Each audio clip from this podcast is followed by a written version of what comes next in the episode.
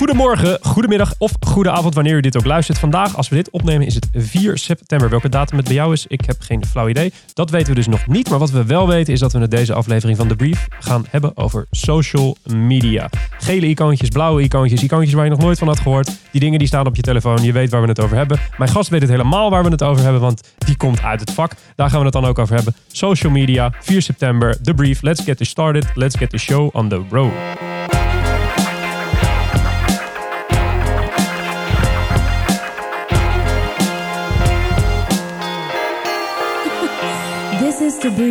Zoals gezegd zijn we terug in de studio. Aan mijn linkerhand een warm geluid uit zijn stem. Een goed hoofd. Uitgeslapen wel. Bril zit goed. Baard geschoren. Frank Goren. Goedenavond, ochtend, middag. Of in dit geval gewoon goedenavond, Mark. Hoe is het eh, met je? Het gaat helemaal lekker. Ja? Wat heb je de afgelopen twee weken allemaal gedaan überhaupt? Eh, een heleboel dingen, maar vooral een heleboel dingen waar ik nog niet te veel on-air over mag vertellen. Oh, wat flauw. Nou, eh, is, is, is er content die je hebt gezien waar je wel wat over mag vertellen? Ja, zeer zeker. Ehm, ik heb het veel te laat gezien, maar zeer de moeite waard. De documentaire Inequality for All.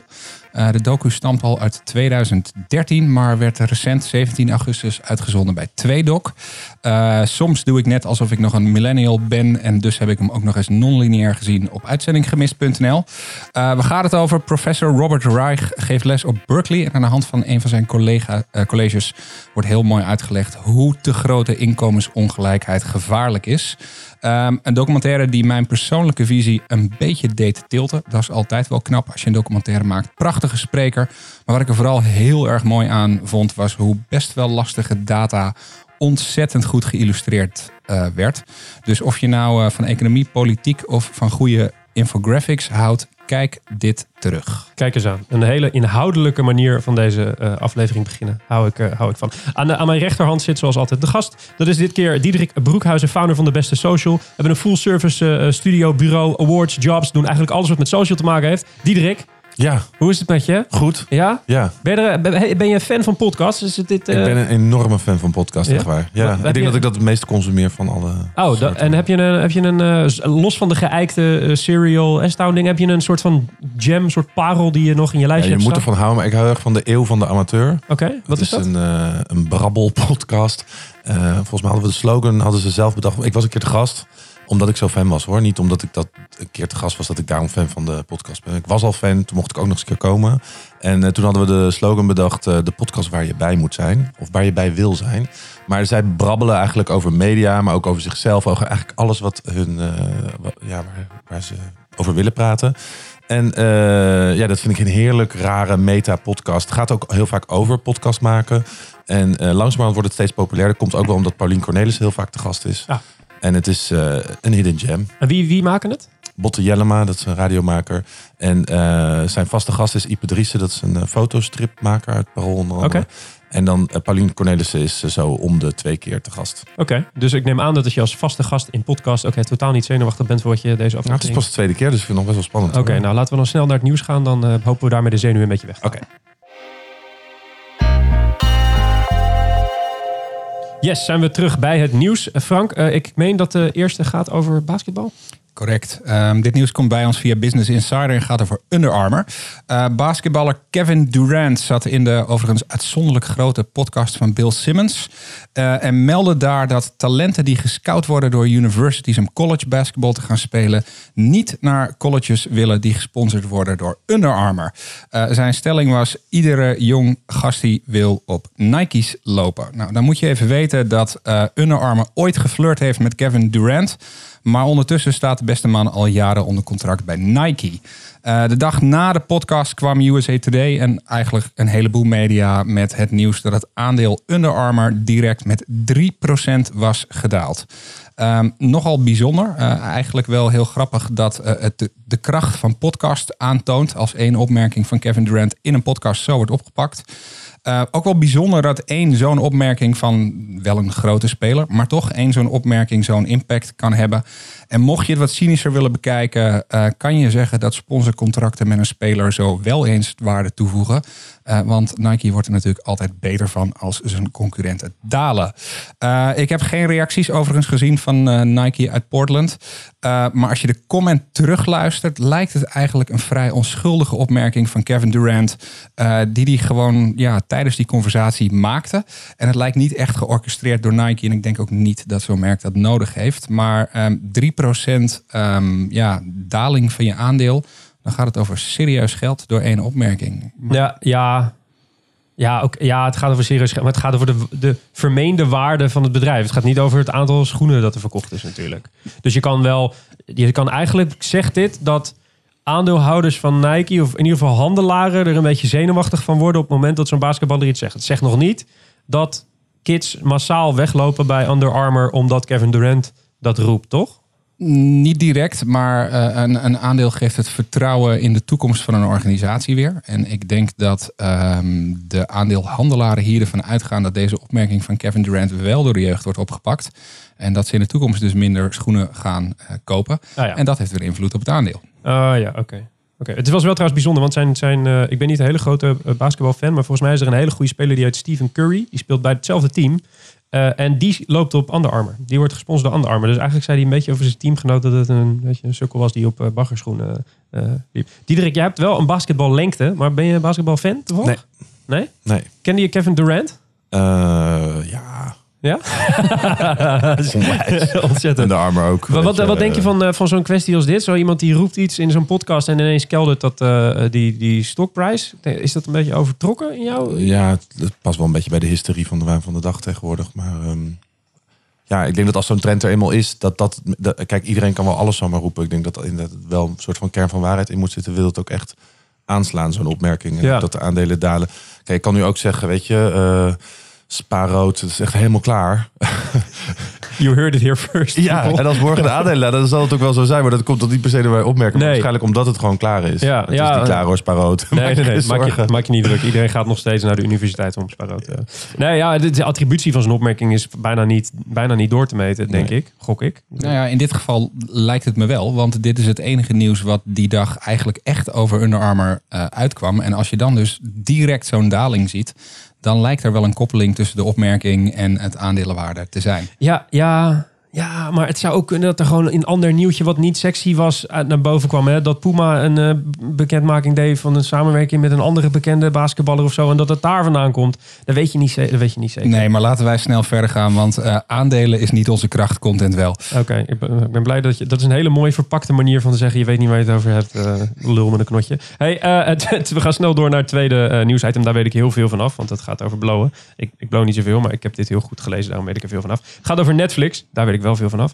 Um, uh, wat hebben die gedaan? Die hebben wederom een redelijk briljante uh, marketing stunt uitgehaald. Uh, want ze lanceren namelijk binnenkort een nieuwe show. Die show heet Disjointed. Die gaat over, nou ja, jawel, wiet onder andere. En wat, wat heeft Netflix gedaan? Die hebben een partnership gesloten met een, met een, een bedrijf dat wiet, medicinale wiet distribueert in Amerika. En die hebben speciale strains of weed laten, ehm, laten maken. Dus een speciale soorten laten samenstellen.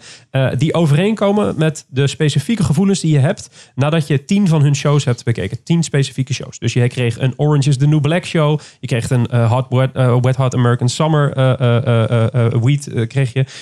en die waren dus allemaal afgestemd op het gevoel wat je dan kreeg na zo'n aflevering. Ze hebben ongeveer nou, een paar honderd van die dingen hebben ze verkocht. Er stond wel in het nieuwsbericht wat stond op Adweek dat ze heel expliciet stond dat erbij. Netflix heeft dus niet wiet verkocht. Dat stond er ongeveer 24 keer in. We hebben de plantjes niet eens aangeraakt, stond er. Want we hebben alleen maar met dat partnership hebben we, hebben we dingen gedaan. Maar vond ik een hele geestige manier van, een, van, een, van shows promoten. Niet dat ik denk dat men dat gaat kopen en dan meteen die show gaat kijken. Maar aan free publicity hebben ze toch wel redelijk veel gehad. Maar ik zie jou heel bedenkelijk kijken, Frank. Ja, nee, een prachtige stunt. Ik vraag me wel af, als je dit product consumeert... of je dan achteraf nog weet waar ongeveer het ook alweer over ging.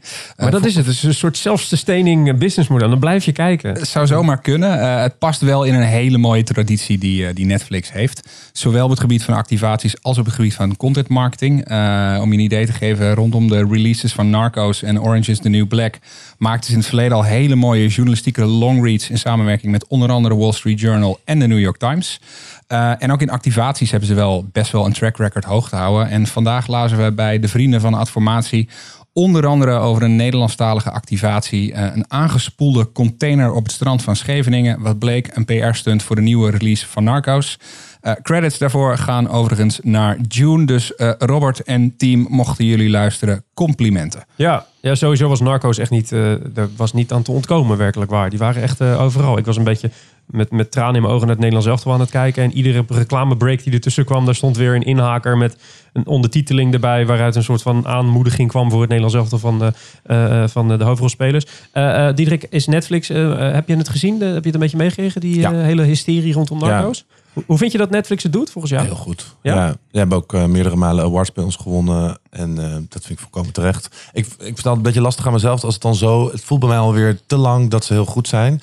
Maar dat zijn ze nog steeds. En dan vind ik het al... Wou ik ook van tevoren nadenken van... Wat, is nou, wat vind ik nou goede content? Of iets om hier te vertellen. En dan dacht ik alleen maar Netflix, Netflix, Netflix. Ik kan nog iets anders bedenken. dus dat... eh, ja, die zitten, die zitten heel hoog bij mij. En, eh, en vooral ook... Ik kijk dan vooral naar de Nederlandse content. vind ik dat heel tof. Ik ben, ik ben ook heel erg groot fan van hun... stories op Instagram. Ja. Want ik vind dat veel merken daar tekort schieten met, om daar relevante, leuke content te maken. Dat doet Netflix heel goed. Dus eh, ja, top. Ik vond dit C-container verhaal eigenlijk nog leuker toen ze reageerden op het NOS-bericht. Ja. Ehm, Ja, dat zag ik ook, ja. Ja, een soort inhakertje wat ze daarop hadden gemaakt met, die, eh, met dat filmpje. eh, wat weer inhaakte op dat die zooi gevonden was. Erg, eh, erg geestig gedaan. Ja, met zo'n, met zo'n container denk ik altijd, oké, er lopen dan een paar mensen voorbij. En dat is dan hartstikke leuk. Maar verder ja, zien niet zo heel veel meer mensen behalve dan in je persbericht wat je... maar ja, dat is ook met die marihuana vind ik dat wel een beetje storend.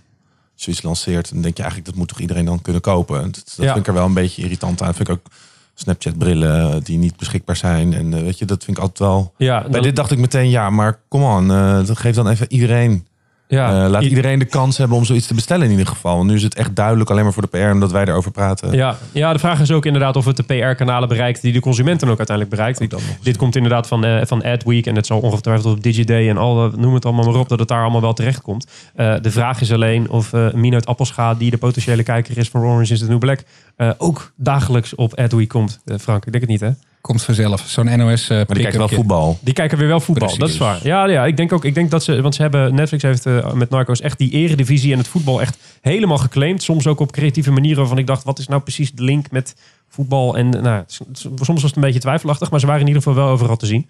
Eh, erg, eh, erg goed gedaan. Eh, Frank, we, we gaan het hebben over een van de meest frustrerende eh, eh, dingen eh, voor eh, de social media managers en marketing managers eh, eh, die een, eh, veel werken met de grote blauwe reus. Vertel. Wat Ja, het laatste nieuwsitem komt bij ons via Social Media Today. Eh, die kwamen met een graph die liet zien dat de organic reach van brandpages en van publishers eh, in het afgelopen jaar alleen al met 20% is gedaald. Eh, sinds 2013 loopt organic reach van deze commerciële contentmakers al terug. Op zich dus eigenlijk helemaal geen nieuws. Maar 20% decline in organic in één jaar vind ik toch wel vrij stevig. En in één jaar is dat in dus, één jaar, Dus ja. Dus- vanaf vorig jaar, eh, nu... eh, Juni 2016, juni 2017 is dus de organic reach van brandpages en van publisher pages eh, met 20% gedaald. Ehm, ja, zoals gezegd, het is niet echt nieuws, maar de snelheid waarin dit gaat wel. En ja, terughakend op het vorige eh, onderwerp, nieuwsonderwerp, zou je hier kunnen zeggen dat Facebook exact laat zien dat het drugsdealersmodel perfect kan werken. Eh, ze hebben je eerst lekker verslaafd gemaakt aan al die reach en al die likes en al die andere vanity metrics. En op het moment dat het goed werkt, zegt Facebook, mag ik nu een beetje geld van je gaan zien. Ehm, en wat ik wel heel benieuwd naar ben, Diederik, dit speelt eigenlijk heel erg in op, ik weet niet of je bekend bent met Joe Politie, theorie don't build your house on rented land. Oftewel, ehm, ja, hoe afhankelijk ben je nou van de grillen van Zuckerberg en consorten en jij bouwt je hele strategie op op zo'n mooie grote blauwe reus en op het moment dat het succesvol wordt, moet je je portemonnee gaan, tre- gaan trekken. Hoe, hoe, kijken jullie daarna? Of? Eh, met argusogen inderdaad. Ehm, eh, ik denk wel dat als er geen Facebook is, is er wel weer wat anders. Maar het is inderdaad eh ja, hysterica. Hoe, hoe mijn bedrijf leunt op de combinatie Facebook, Instagram, WhatsApp is... Vrij stevig, gok ik zo. Ja, daar krijg ik wel eens nachtmerries van. Dat is, eh, dat is pittig, ja. Eh, aan de andere kant denk ik dat heel veel mensen gelukkig in Nederland inmiddels de beste social media kennen en de beste social arts dankzij Facebook.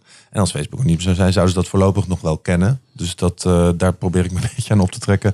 En ik denk wel na over eigen branding, over eigen community, over eigen doelgroepen, over dingen vertalen naar de offline wereld.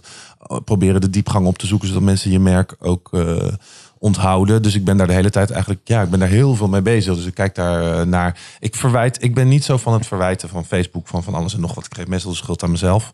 Ehm, en met de organic reach heb ik ook, trek ik een beetje mijn wenkbrauw op. Omdat ik ook denk, er wordt veel meer content gemaakt. Ehm, waar we vroeger zeg maar minder eh, concurrentie hadden, heeft nu alles en iedereen concurrentie. Dus is het ook normaal. Ja, hoeveel likes kan je op een dag uitdelen? Ja. Ehm, tuurlijk was je eerst verslaafd aan de likes, maar dat was je omdat je in 2013 al eh, actief was. En vervolgens zijn anderen je voorbij gereest eh, met betere content misschien ook wel. Dus ja, ik zie namelijk zelf in veel projecten die ik zelf doe helemaal geen decline. En sommige wel. En vaak zoek ik dan eerst de schuld bij mezelf. Van misschien is de content niet goed genoeg. Ehm, want ja, ik geloof dat mijn eh, persoonlijke eh, Facebook page en de dingen die ik daar persoonlijk op post ook minder scoren als het slecht is. Op je, echt niet. op je persoonlijke account bedoel je? Ja, ik post gerust soms dingen die krijgen dan eh 2,5 like. Als ik geluk heb. En eh, andere dingen die gaan helemaal door het dak. Eh, dus volgens mij is het toch nog gewoon, het is de aandachtseconomie. En die is best wel eh, eng. En inderdaad heeft ook veel te maken dat Facebook het uitbuit. Dat als je daar niet goed in bent, dat je daar dan heel veel geld tegenaan gooit om daar weer bovenop te komen. Maar ik heb niet het idee dat ze heel erg. Ze zouden gek zijn als ze schroeven aan de dingen die interessant zijn. Dus de dingen die interessant zijn, laten ze zien. Ehm, ik denk dat het wel steeds lastiger wordt om eh, vanuit een merk. Als jij niet eh, dat op een hele sexy manier verkoopt door bijvoorbeeld eh, je helemaal een contentstrategie die weinig te maken heeft met je merk, dan is het heel lastig om ertussen te komen. Want het is een commerciële boodschap, zitten mensen niet op te wachten, dus dan moet je betalen. En ik denk dat dat het meer is. Dus als ik, als ik hem mag samenvatten, eigenlijk zeg je eh, een pleidooi voor betere content. Ja, Eh, en, en denk je dat het niet eens zozeer eh, ehm, de maliciousness is van het algoritme van Facebook, maar, maar dat gewoon de share of voice wordt per definitie kleiner omdat Nou, er meer aanbod is? ik, ik, ik, ik, heb echt best wel een hekel aan, aan, aan likes. En, en vooral op Instagram met followen en, en niet genoeg likes krijgen op dingen, maar dat is dan meer persoonlijk vlak. Eh, dat ik het vervelend vind dat die economie eh, van de likes zeg maar, zo, eh, zo groot is. Maar ehm, ik vind het systeem over het algemeen van het belonen van goede, vind ik, goede kenten vind ik goed werken. Zeg maar. Dat we allemaal geforceerd worden van denk eens na over wat je nou eigenlijk post. En hou op met dat zeuren over het organisch bereik, want je content is gewoon slecht. En eh, eigenlijk we- op kantoor hebben wij een soort manie met het uitleggen waarom iets scoort en waarom iets niet scoort. Daar zijn onze platforms ook op gebouwd, de best social media en ook onze Duitse variant. Ehm, ja, dan zeggen mensen, ja, maar misschien scoort het niet omdat het op zaterdag was. Als je het langer blijft analyseren, dan is de reden vaak gewoon, het is gewoon niet leuk genoeg. Ja. En eh, het is niet goed genoeg verpakt. Dat Dus ook. je zegt eigenlijk inderdaad, als het, als het goed is, gaat het sowieso scoren. Of Ja. wanneer je het ook post. Ja. Eh, eh, of je het nou Dat orgaan- voel je. Dat voel je, in je. dat voel je in alles. Als je iets ziet wat goed is en je gaat het bijna posten, weet je het gewoon. Ik kan ook, we- we- op kantoor proberen we ook likes te voorspellen, et cetera. Het werkt gewoon. Je, je kunt echt wel een beetje aanvoelen, dit is leuk en dit is niet leuk. En eh, ik vind dat het veel te vaak wordt ingezet als excuus om je eigen slechte content Ja. te verdedigen. Maar tegelijkertijd zeg je wel, eh, eh, als je kijkt naar brands, is het eigenlijk zo dat puur en alleen rekenen op organisch bereik, forget it. Ja, dat zeg ik als je dus een zeer commerciële boodschap hebt. Ik vind het soms ja. lastig dat je het allemaal moet gaan verpakken in inderdaad een manier die niet meer commercieel is. Ja. Aan de andere kant zitten we gewoon niet te wachten. Voorbeeld, ik heb gewerkt voor de serie Mad Men, de Nederlandse eh, strategie daarvoor. En eh, alles wat je gewoon vertelde over Mad Men en zei je, dit eh, karakter is leuk of dat karakter is interessant, vinden mensen interessant. Ja. En als je een keer zei, en nou hebben we echt een te gekke korting voor je op een box. En dan vonden Rot maar op, Rot ja. maar op. Terwijl Ja. die korting was echt te gek hoor. Dat was dan 50% of zo. Maar dat vindt maar een deel interessant. Want maar een deel wil die box ook daadwerkelijk aanschaffen of heeft hem nog niet. En ook een deel wil die commerciële boodschap. Dat wordt dan opeens, eh, ja, terwijl een 100% vindt de karakters uit Mad Men interessant. Want daarvoor kijken ze de serie. En maar 10% zit te wachten op zo'n, ja, dus dan werkt die content niet. Ja, helder. helder. Een pleidooi voor betere content. Ik bedoel, preaching to the choir. Laten we snel doorgaan met het interview. Kijk, het bruggetje is al gemaakt. Yes, zoals gezegd, eh Diederik Broekhuizen van De Beste Social. Eh, ehm, misschien is het belangrijk om te beginnen met vertellen wat jullie allemaal doen. Want eh, je hebt de awards, je hebt de jobs, je hebt de studio. Ja. Geef je pitches. Ehm, nou, wij eh, eh, cureren social media. Dat doen we met eh, social media platform, debestsocialmedia.nl. Daaronder hangt ook een vacaturebank, de Best Social Jobs. Eigenlijk doen we daar niet veel meer dan een uithangbord zijn voor vacatures in de social media branche. Dus dat noemen we ook een soort publishing van vacatures. Ehm, eh, daarnaast hebben we een awardshow. eh oh, sorry. Nee, daar was ik nog niet. Eerst eh, Duitsland. Daar hebben we de Duitse versie van de Best Social Media. Dat is beste oude social media. Ehm, eh, dan starten we binnenkort met een Engelse versie daarvan. Dus dan zijn dat drie, hebben we zeg maar drie verschillende platforms. Ehm, en dan hebben we de awardshow over social media. Een business variant daarvan. En we hebben een studio die social media creëert. Juist. Dan, dan lijkt mij dat, dat je zit wel lekker in de social, zeg maar. Dat, Ja. kan, je wel, dat kan je redelijk stellen. Ja. Eh, eh, hoe ziet je eigen social media gebruik eruit? Dus je eigen privé. Ik kan me voor, voorstellen namelijk dat als je op je werk de hele bezig bent met al die kanaaltjes, dat je Ja. misschien privé zoiets hebt van nou, of ben je helemaal all in? Nou, ik vind het lastig dat het eh, gewoon het, het, het privé en het werk is, is, is, loopt best wel door elkaar heen. Dus daar heb ik niet echt heel erg een notie van. Dat betekent wel dat als ik er dus soms genoeg van heb, dan heb ik ook echt genoeg van. En dat is dan en privé en werk. Dus dat loopt zo door elkaar heen dat ik daar niet echt een uh, scheidslijn Dus dan trek je de stekker eruit en dan je Ja. ja. toedelen ook. Ja, Maar je, en vliegtuigmodus s'nachts en überhaupt snel al. En ik, ik moet gewoon momenten creëren dat ik even niet eh, mee bezig moet zijn. Ja. En, en hoe, hoe, eh, hoe staat het met nieuwe kanalen? Ik heb, merk namelijk voor mezelf, ik, ik weet niet precies hoe oud je bent, eh, maar ik merk aan mezelf dat als ik toen 34. 34, nou goed, ik ben, ik ben zelf net, eh, net 30. Net 30 mag ik nog een paar maanden zeggen, denk ik. Frank mag. Eh, eh, dat ik zelfs al bij een kanaal als Snapchat eh, professioneel voel dat ik mezelf, ik moet ermee bezig. En dan zit ik erin en dan denk ik, oh, wat, hoe, dat, dan kom ik er niet in. Het lijkt wel alsof een soort, alsof, ik- alsof ik het niet meer kan leren. Heb jij, voel jij dat ook met zo'n? Ehm, nee, ik ben niet iemand. Ik, ben, ik hou wel van tech en van alles wat nieuw is. Dus ik, ik vind het wel interessant wat er gebeurt. Maar ik, la- la- ik lees me liever in of ik analyseer wat er Ja. gebeurt.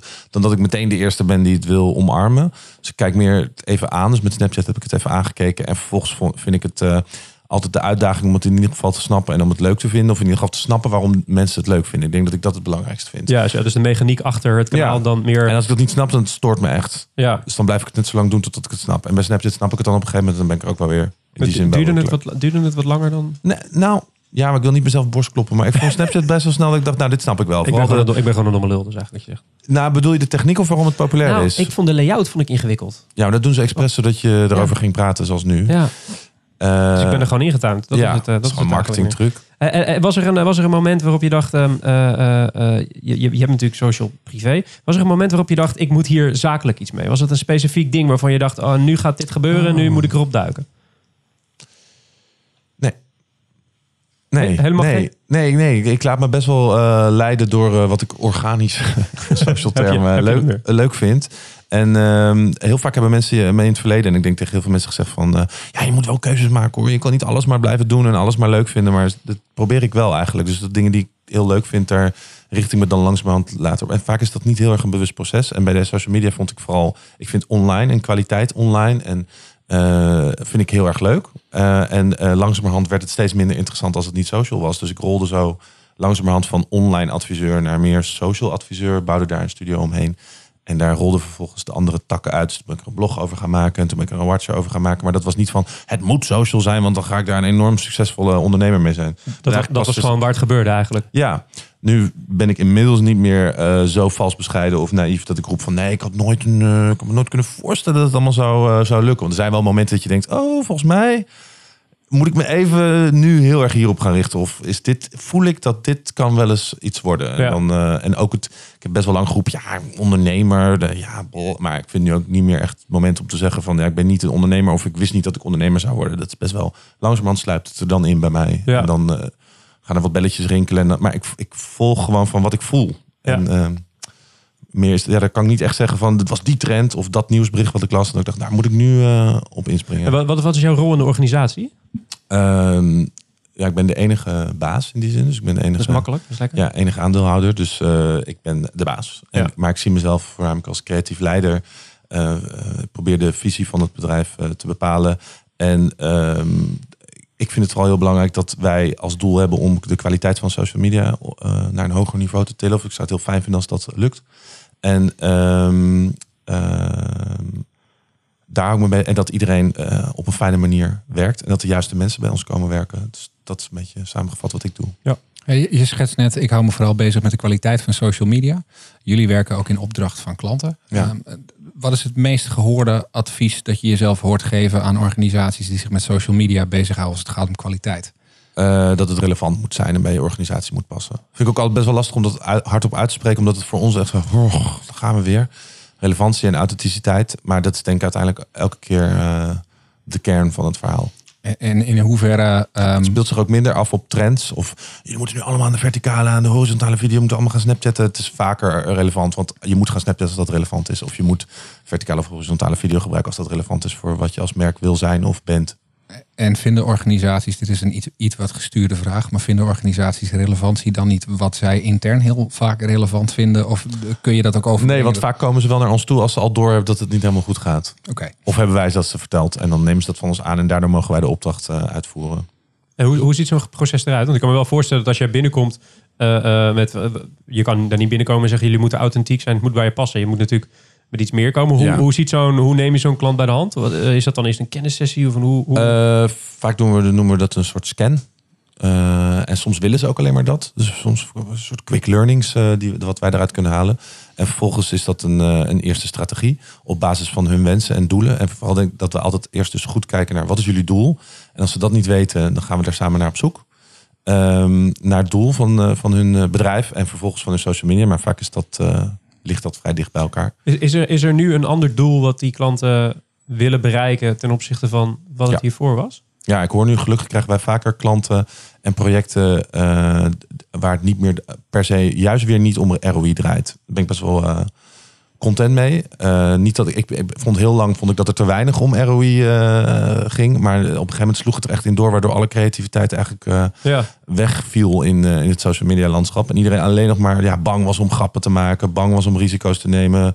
Best wel saai. Dat zagen we ook in de content waar we over schreven en de awards. Dat gewoon alles was zo ontzettend op ROI. En oh, maar heeft het in godsnaam wel opzet, omzet opgeleverd? Terwijl je nu komen we meer bedrijven tegen die, ehm, die weer zeggen, nou dat ROI, dat in- of eh, het echte effect op. Ik wil echt aan mijn branding iets gaan doen. En dat zijn vaak spannendere, dat kan vaak spannendere projecten opleveren. Ja. Hey, en- en, die, die brandingskant, die wij ook eigenlijk de meest leuke kant vinden van het hele content en social gebeuren. Los van branding en misschien service, want ik denk dat dat ook een Ja. belangrijke factor is eh, Zeker. in een social Doen wereld. wij alleen ze- zelf als bedrijf ook minder. Mhm. Adviseren we wel in, maar wij voeren weinig service aan. Dat, dat zit toch wel heel vaak gewoon binnen het bedrijf of bij een andere externe partij.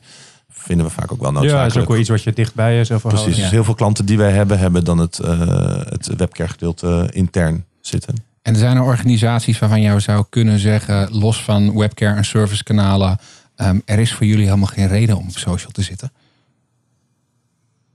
Ja, voor, uh, ja, want dat heeft met die relevantie en authenticiteit te maken. Dus dat was vroeger altijd zo'n eerste ding van wil je wel op social media zitten? Maar ik vind het steeds lastiger worden. Gisteren ging iemand mij volgen op Twitter um, die voor een uitvaartverzekering werkt. Oh mijn god.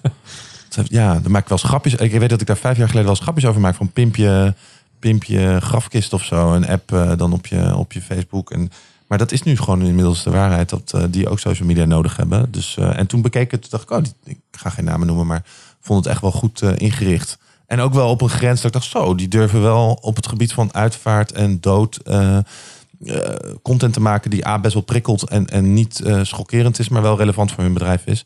Dus ik vind dat steeds een, lastige vraag worden. Want heel vaak zei ik, ja, je moet alleen doen als je het echt wil. En dat heb ik dan wel heel erg met privé. Als mensen mij vragen, moet ik dan op Instagram? Dat vragen ook uh, wel eens BN'ers aan me. Moet ik, ja, god... Uh, het hangt helemaal van je persoonlijke situatie af. Ja. Heb je het nodig voor je carrière? Heb je er behoefte aan om dingen te delen?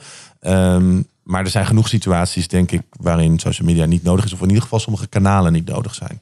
En hoe, hoe je zei net al van het vroeger, of tenminste vroeger, we zeggen hier altijd vroeger, en dan hebben we het eigenlijk over drie jaar geleden.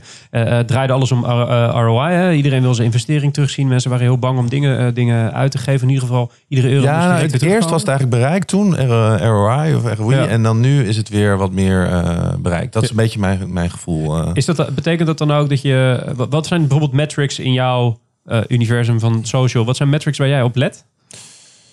Dus hoe meet je succes? Dat is eigenlijk de vraag. Mm, Of de klant tevreden is. Ja. Maar goed, die is erg dat, die, dat, dat die, die tevredenheid moet ergens vandaan komen natuurlijk. Ja, toch wel op interactie. Uh, of de doelgroep uiteindelijk je content accepteert en leuk vindt. Of ze ermee aan de haal gaan.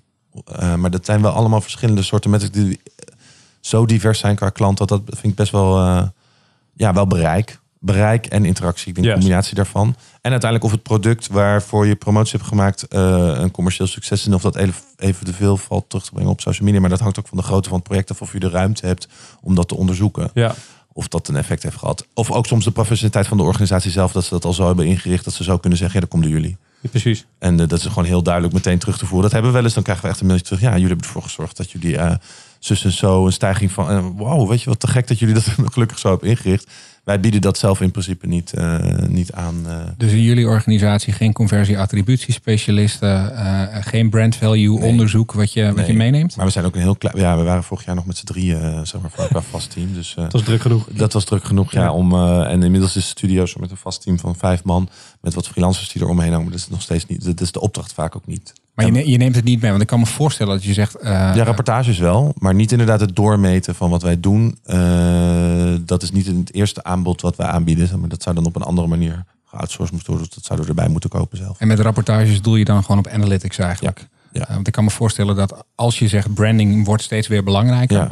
Eh, eh, grote organisaties willen dan ook wel doorgemeten zien. Weet je, eh, eh, Ja. hoe reageert een doelgroep die wel op content heeft of mee in aanraking is Ja. gekomen. En hoe reageert de doelgroep die daar niet mee in aanraking is gekomen. Heeft dat invloed op brand values? Adviseren jullie wel om dat door te meten? Ja, Adviseer je wel om daar derde partijen voor aan te sluiten? Maar wij zijn echt een kleine studio. Dus we hebben ook niet de gigantische merken. We werken onder andere bijvoorbeeld voor eh View Cinema's. Dat is dan een van onze grotere klanten. Ja, daar hebben we dat natuurlijk hebben we het daarover. Ja, maar dat is altijd een combinatie met hun en enquêtes en onderzoek. Waarin we dat adviseren. Maar ehm, het is niet iets wat wij zelf aanbieden.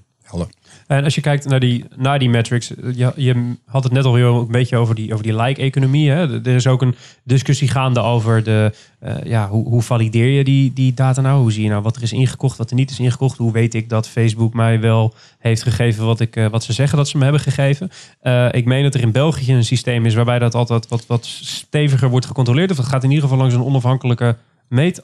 In, eh, in België van? bestaat zoiets als eh, CIM.be. Dat Ja. is eigenlijk de opvolger van eh, wat we vroeger in, eh, in Nederland hadden als het, eh, het NOM. Eh, het NOM eh, mat, eh, be- mat, ja, mat bereikt door eh, van printtitels. Eh, in België hebben ze dat nu allemaal geaggregeerd onder SIM. En daar wordt onder andere eh, ja, wordt jouw data gewoon gevalideerd. Ik meen mij te herinneren dat er in Nederland ook een dergelijk initiatief is. Ehm, maar volgens mij was jij een vraag aan het stellen. En ben nou, ik, was wel benieuwd. direct, zie jij daar hel in om er om een soort van eh, eh, organisatie op te richten die dat allemaal onafhankelijk doormeet, zodat zowel klant als aanbieder van diensten en services zien eh, dat het eerlijk is? Of heb je zoiets van ja? Ik zit er wel heil in, maar ik eh, merk vaak als er ook nie- nieuwe collega's bij ons komen werken. En die aan onze titels werken of, aan, eh, of eh, voor onze klanten. Dat eh, wij ook wel heel veel op gevoel en, en vingerspitsen, zoals we dat eh, noemen, eh, werken. En dat ik het best wel risky vind. Ik, ik ben best wel, eh, ja, ik, het is niet mijn achtergrond. Ik ga heel erg op het gevoel en het kracht van kwaliteit en creativiteit af. En het, het, enthousiasme wat je ergens voor krijgt. En ik ben een groot voor. Ik bedoel, ik ben zelf echt statistiek verslaafd. Ik, ik eh, denk dat ook een groot deel. Ik ben eh, in mijn Twitter bio staat dat ik dol op lijstjes ben, maar dat is echt zo. Ik ben echt dol op duiding op dat gebied. Maar het eindeloos lang alles altijd maar met tools en doormeten en eh, kan je ook heel erg blokkeren, denk ik, in je creativiteit. Dus ehm, ja, voorstander van zoveel mogelijk meten, maar het is niet aan mij om dat landschap op die manier te creëren. Ik focus me liever op dat er gewoon toffe dingen gemaakt worden. En, en ik blijf het heel belangrijk vinden dat je wel kijkt naar wat is nou eigenlijk het effect van wat ik doe. Tuurlijk. Alleen heeft het zin om bijvoorbeeld een bioscoop eh, in te stappen en iedereen te gaan vragen: heb je de social media campagne gezien? Ja, maar is dat dan per film? Heb je totaal ander resultaat dan een andere film? Heb ik weer een totaal andere doelgroep? Het blijft best wel lastig om het menselijk gedrag te voorspellen en het effect daarvan op grote schaal eh, toe te passen. Juist. Ik weet even niet of deze zin. Nee, klopt. hij, hij klopt. Hij klopt. Oké, ja, want nee, dat is het zo. Ik denk dat social media zich niet helemaal laat doorrekenen. en vooral wat werkt er, wat werkt er niet, wat voor effect hebben dingen.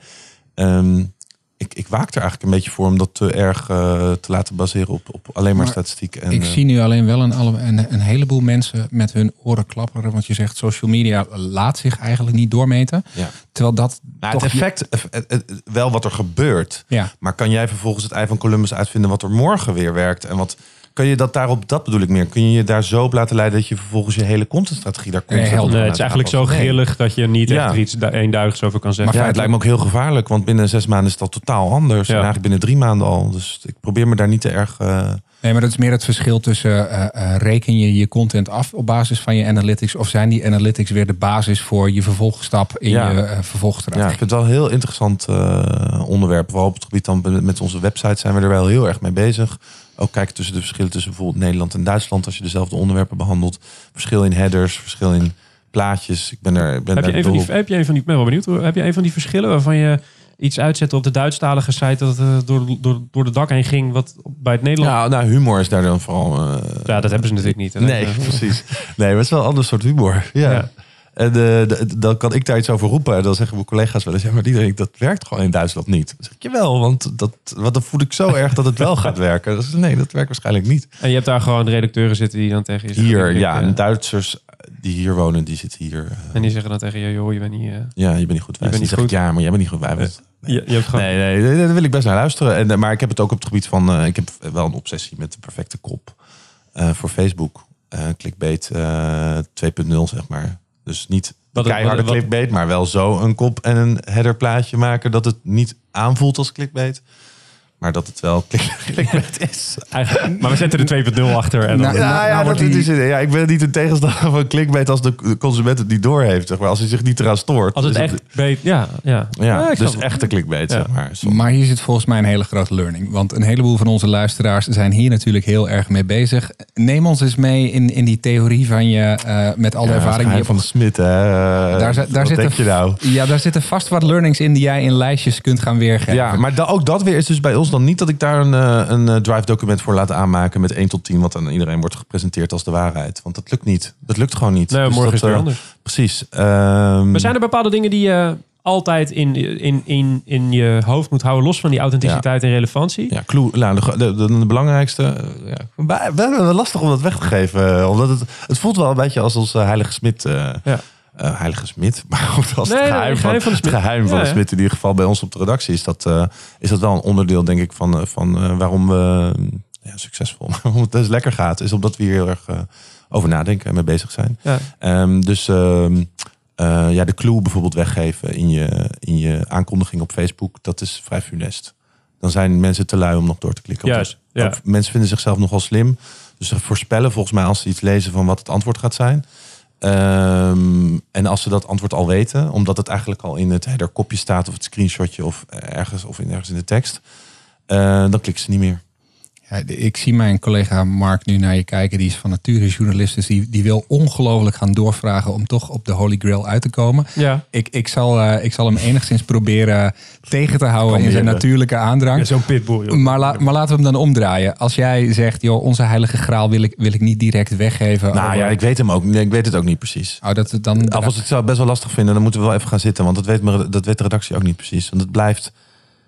Er zijn wel dingen waar we op letten. Bijvoorbeeld de clue weggeven is denk ik de eerste. Die staat bij ons bovenaan. Clue weggeven gaat, eh, gaat altijd mis. En naar welke, eh, want dat is misschien een mooie vraag eromheen om onze luisteraars toch nog wat mee te kunnen geven. Naar welke partijen kijk jij of kijken jullie waarvan je zegt, die doen het echt heel erg goed ehm, in hun social gedrag. Deze partijen zou je eens naar moeten kijken, want daar kun je wat van leren.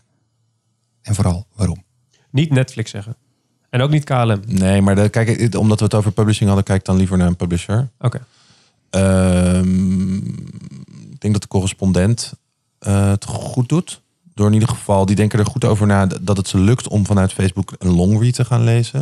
En die gaan daar ook heel hard viraal mee soms. Ze hebben ook wel genoeg artikelen waarvan ik denk, jammer of zonde dat dat niet eh, beter verpakt is. Omdat ik denk dat je dus over elk artikel nog bijna nog langer moet nadenken over de verpakking dan over eh, wat erin zit. Nee, dat, dat is niet waar. Maar je moet er wel echt heel goed over Mhm. nadenken. Ik vind het anders gewoon zonde. Want je, ja, in die aandacht-economie moet je het goed presenteren en de reden vooral goed voorleggen aan de lezer van waarom moet ik hierop klikken. En dat geldt voor alle soorten content, maar in dit geval over publishing vind ik dat eh, bij de correspondent interessant. Eh, eh, ja, BuzzFeed toch gewoon.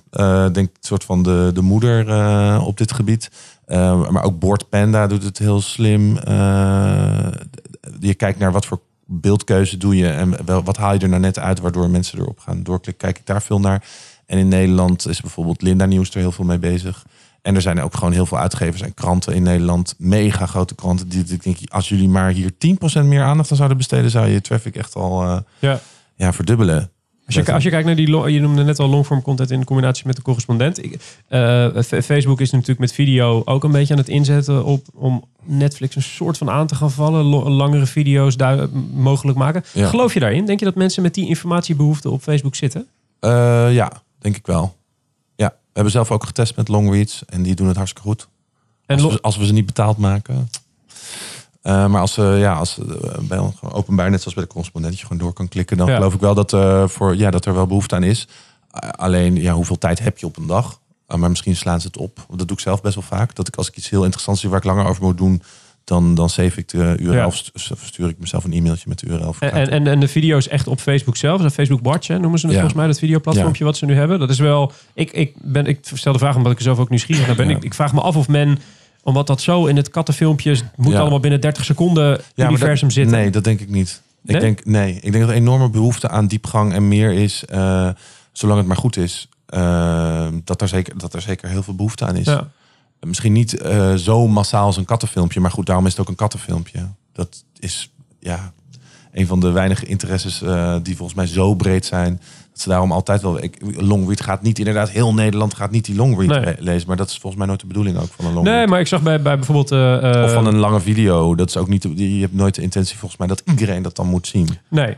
Nee, maar ik kan me wel voorstellen dat als zij de echte bedoeling hebben om nou ja, Ja. Netflix een heel klein beetje een soort van te benaderen, dat ze daar dan echt Ja. andere type content op gaan publiceren. Ik zag dat nou, je bedoelt nu inderdaad dat ze zelf series op Watch gaan nou, zetten. bijvoorbeeld, maar je, je- ik zag een, eh, eh, de, een van de nieuwe videoseries is eh, in samenwerking gedaan met in, Humans of New York. Dat, dat Instagram-account die, mooie foto's maakt van die met je human interest verhalen eronder zetten. En die hebben nu een soort eh, interview videoserie, lange, lange videoserie op Facebook Watch gezet. En ik zat het te kijken, toen dacht ik, ik vind het goed. Alleen het voelde ergens een soort van in een vreemde omgeving of zo. Eh, Ja, eh, je, je, dat vind ik wel een eh, een relevante vraag van je. Ik denk dat ze daar zelf wel manieren voor gaan vinden dat je daar op een, op een andere manier in kan komen. Ja. Ik denk vooral via, de, via een app. ehm, dat je die dan bewust gaat openen, net zoals dat je Netflix opent. Van ik ga nu iets langers kijken. Dus Ja. het lijkt me aan dat dat met elkaar zal.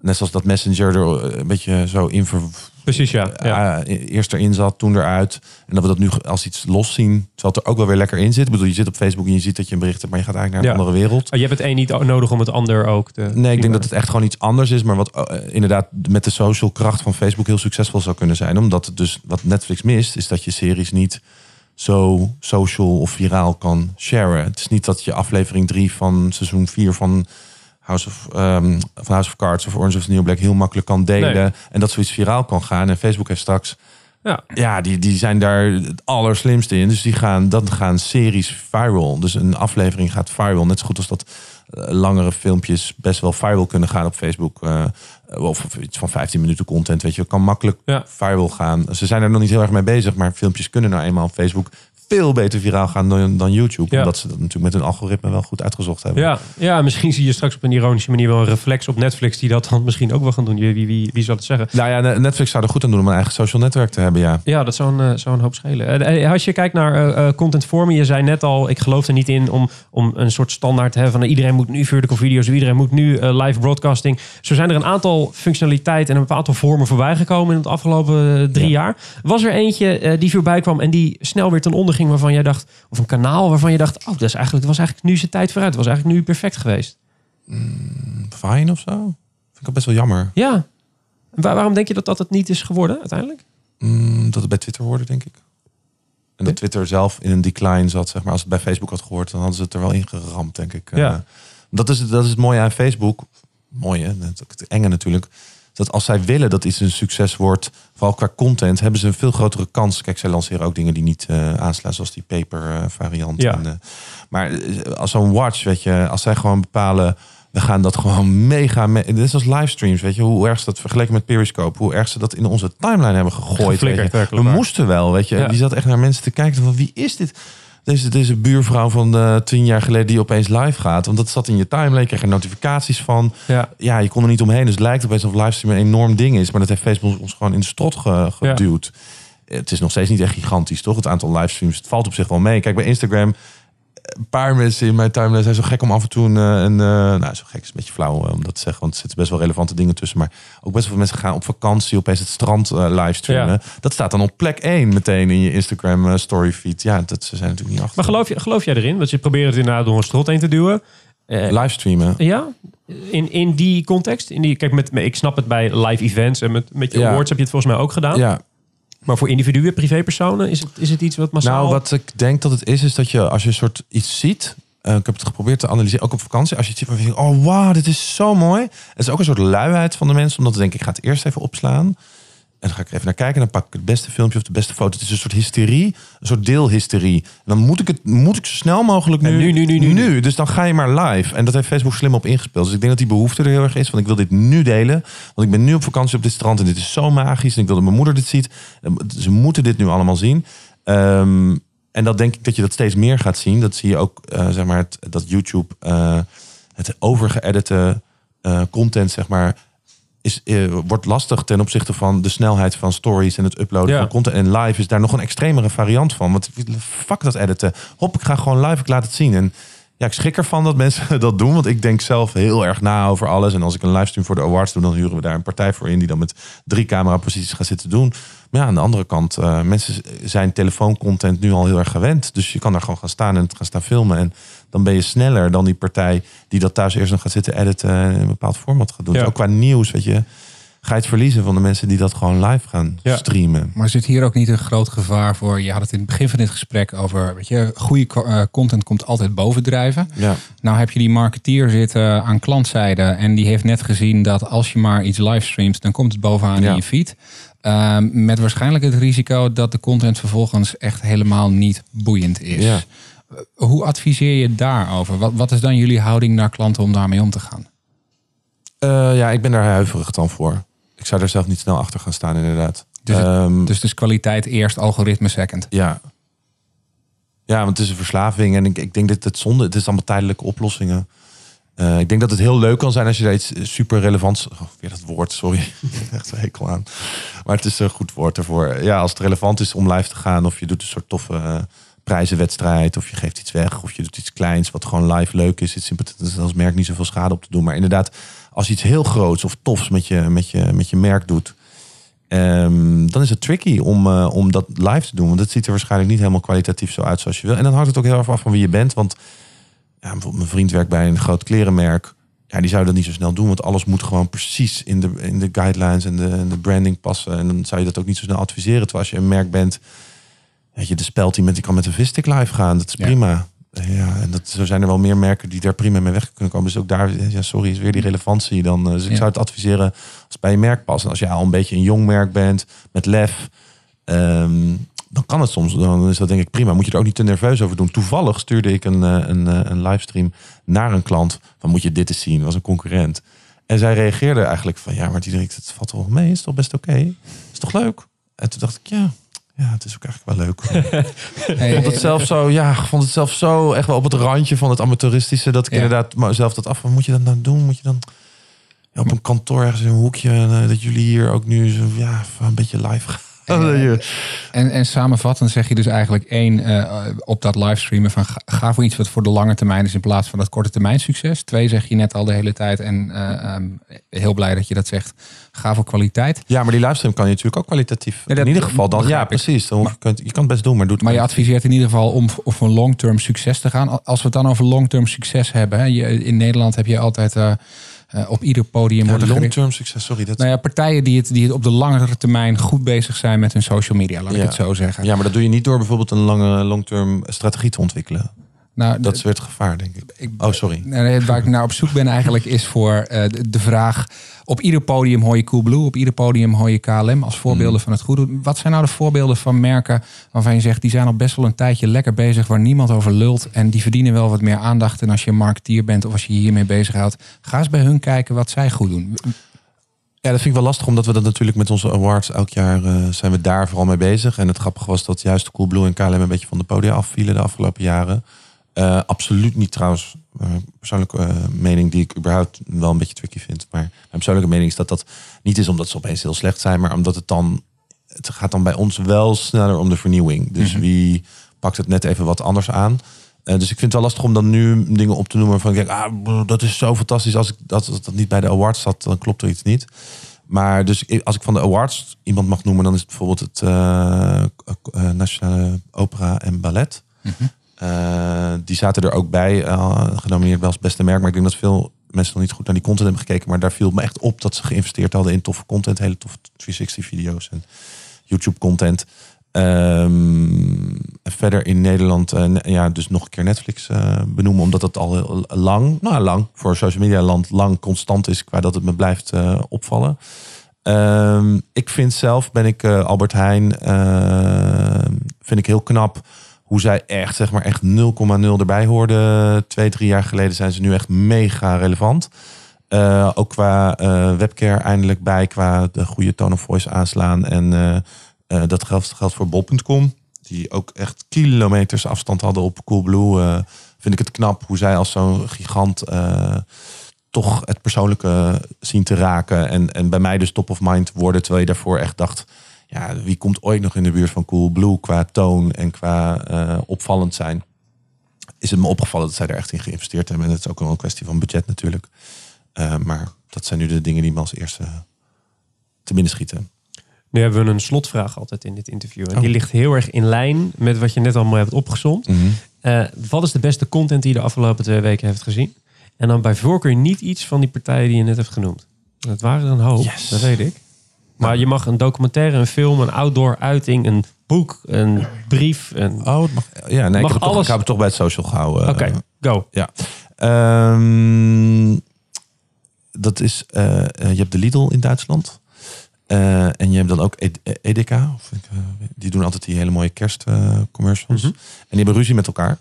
Eh, maar meer social fitty. En ehm, dat heeft een inleidend verhaal nodig dat ik ehm, ook mede dankzij eh, of eh, ten koste eh, door het bereik, ROI bereikverhaal waar we het net over hadden, zeg maar, zijn waren we dus een tijd, eh, had iedereen echt een schurfthekel aan merken die lollig eh, met elkaar online deden. En als wij daar iets over berichten, dan gingen ze zelfs onze schuld geven. Wat doen jullie wel niet? En eh, nou, misschien hadden we ook wel maar een beetje schuld aan, want wij lieten het hele tijd zien. En dan gingen bedrijven dat vast ook wel een beetje nadoen.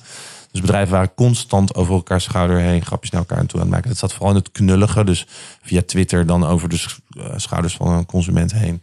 Eh, ja, elkaar belachelijk maken of grapjes maken of meme-plaatjes naar elkaar posten of gifjes. Ehm, maar dit is het next level, zeg maar. Dit zijn echt hele commercials die gemaakt worden met mega budgetten om elkaar eh, ja, te kakken te zetten. Dat is echt zo goed gedaan. En het begon met eh, Lidl, die won de prijs voor beste groenteafdeling. En die deden daarmee een sneer naar de eh Edeka. Dat was best wel tof. Maar toen kwam Edeka met echt een te gekke video eh, eh, dat ze ehm, Lidl be- belachelijk maakte van ja, maar op jullie groenteafdeling hebben jullie dit en dit niet. Maar je moet het echt even kijken. Eh, we zullen tegen die tijd wel een blog op de beste social media hebben staan, dat je het kan zien. Want het is zo leuk dat we het daar ook nog wel neerzetten. En dan vervolgens was, is vandaag, heeft Lidl een filmpje gemaakt in La La Land stijl. Waarin ze gewoon eigenlijk de hele film hebben nagespeeld met soortgelijke acteurs. En dat staat helemaal in het teken van het belachelijk maken van eh Erika. En het is echt, ja, gewoon waanzinnig grappig, goed, tof. En, eh, En consumenten reageren er ook fantastisch ja, op. ja, het is echt gewoon, het is heel het land eh, is daar heel social. Het hele sociale land is daarmee bezig. eh, en dat mis ik wel eens. Dat denk ik, oh, dat zou toch heerlijk zijn als we dat weer durven. Want volgens mij er zit een soort smet nu overheen in Nederland dat we dat ja heel snel van politie eh gaan boeven vangen. En dat merken dan maar eh, dat budget niet spenderen aan een klantenservice. En als bol.com zoiets is, ja, mijn pakketje was te laat. En hoe Ja, ja. zo'n commercial te maken? Ja. En tuurlijk, je moet eerst je zaak op orde hebben. Maar het is wel heel tof, dit soort content. Dat je dit kan gek. maken. Ja. Ja, en dat het ook heel erg voortkomt uit de social media wereld. Kijk, het zijn natuurlijk grote commercials nu die geproduceerd worden met enorm budget vanuit de advertentiewereld. Maar de, de bron van dit kwaad, deze fitties, zit op social media. En dat vind ik, ja, vind ik heel tof dat ze daarop inspelen op zo'n manier. Mogen jullie dan afsluitend vragen om die blog op jullie eigen site zo snel mogelijk te schrijven? Want wij linken altijd naar dit soort dingen in de show notes. Ja. En het liefst linken we dan naar jou en niet naar de commercial die hier, eh, of de fitty die hier wordt behandeld. Dus ehm, Hierbij beloofd. we gaan je een deadline geven. Kijk eens, een, hele speciale aflevering waarin Frank de bruggetjes en de show notes eh, aankondiging doet. Hoef ik die niet meer te doen. Diederik, hartstikke bedankt voor je komst. Het was een heel kort eh, loopje van jullie kantoor naar ons kantoor. Ja. Dus de- een lange reis heb je niet hoeven maken. Desalniettemin dank voor je komst. Met alle liefde. Kom, kom snel weer een keer terug, Yes. zou ik zeggen. Eh, en dan gaan we nu naar de slow-in, maar eerst even dit. Deze podcast is een initiatief van Wayne Parker Kent. En bij Wayne Parker Kent zijn we altijd op zoek naar talenten die ons kunnen versterken. De openstaande vacature van deze week is Chief Editor. Kijk voor alle vacatures op wayneparkerkent.com slash jobs of klik op het linkje in de show notes van deze aflevering. Yes, de slow in, dat is onze vaste rubriek. En in deze vaste rubriek krijgt een, merk, een entiteit, een persoon, eh, een, een pluim, een veer. Eh, ze hebben iets goed gedaan de afgelopen twee weken. Ik heb geen flauw idee wat er gaat komen. Dus Frank, eh, ja, vertel het maar. Ja, de slow-in van deze week gaat naar een stel professionals die ik niet bij naam kan noemen. Simpelweg omdat ik nergens credit vermeld heb gezien. En ik dus niet weet wie ik de slow-in specifiek moet gaan geven. Maar ik ga een poging doen. Uh, het eerste compliment, niet de slow-in, gaat naar Koen Verbraak en het team bij Sky High TV dat verantwoordelijk is voor het tv-programma Kijken in de Ziel. Uh, Kijken in de Ziel loopt al sinds 2009. Ieder seizoen wordt een bepaalde beroepsgroep uitgelicht met mooie diepte-interviews. Het programma won in 2010 dan ook al heel terecht de zilveren Nipkoff-schijf. Um, fantastisch voorwaarts, geweldige interviewer. En dit jaar is het thema militairen. Aan tafel zitten vertegenwoordigers van alle takken van defensie, van verschillende rangen, van verpleging tot commandant der strijdkrachten. Um, wat mooi is, is dat het programma schept echt een uitzonderlijk eerlijk beeld uh, van wat het is om voor defensie te werken. Het schroomt niet om in beeld te brengen wat een dergelijke baan eigenlijk echt met een mens doet. Uh, dus het laat zien hoe je geconfronteerd wordt met de dood. Het laat zien wat posttraumatische stresssyndromen met mensen doet. Het laat zien wat het missen van je familie op de belangrijkste momenten in het leven met je doet. Um, ik heb het nog nooit zo duidelijk gezien. Soldaten en tranen. Het lijkt echt in niets om een standaard recruteringsfilmpje van Uncle Sam. En de slow-in gaat deze aflevering naar de mensen van Defensie die hebben besloten medewerking te verlenen aan dit programma. Uh, wie dat zijn, ik weet het niet. Waarschijnlijk corporate communicatie of persverlichting of legal of een combinatie van die mensen. Maar je voelt gewoon dat hier pittige discussies over zijn geweest. Uh, maar iemand heeft daar uiteindelijk gezegd: ja, wij durven dit aan. Uh, geen gepolijst plaatje, het risico op een ander beeld dan dat je voor ogen hebt van defensie. Um, transparantie en vertrouwen in de mensen die je neerzet tegenover een topinterviewer als uh, Koen Verbraak. Uh, en daarmee dus ook kiezen voor mensen waarvan je weet dat ze door hun werk beschadigd zijn.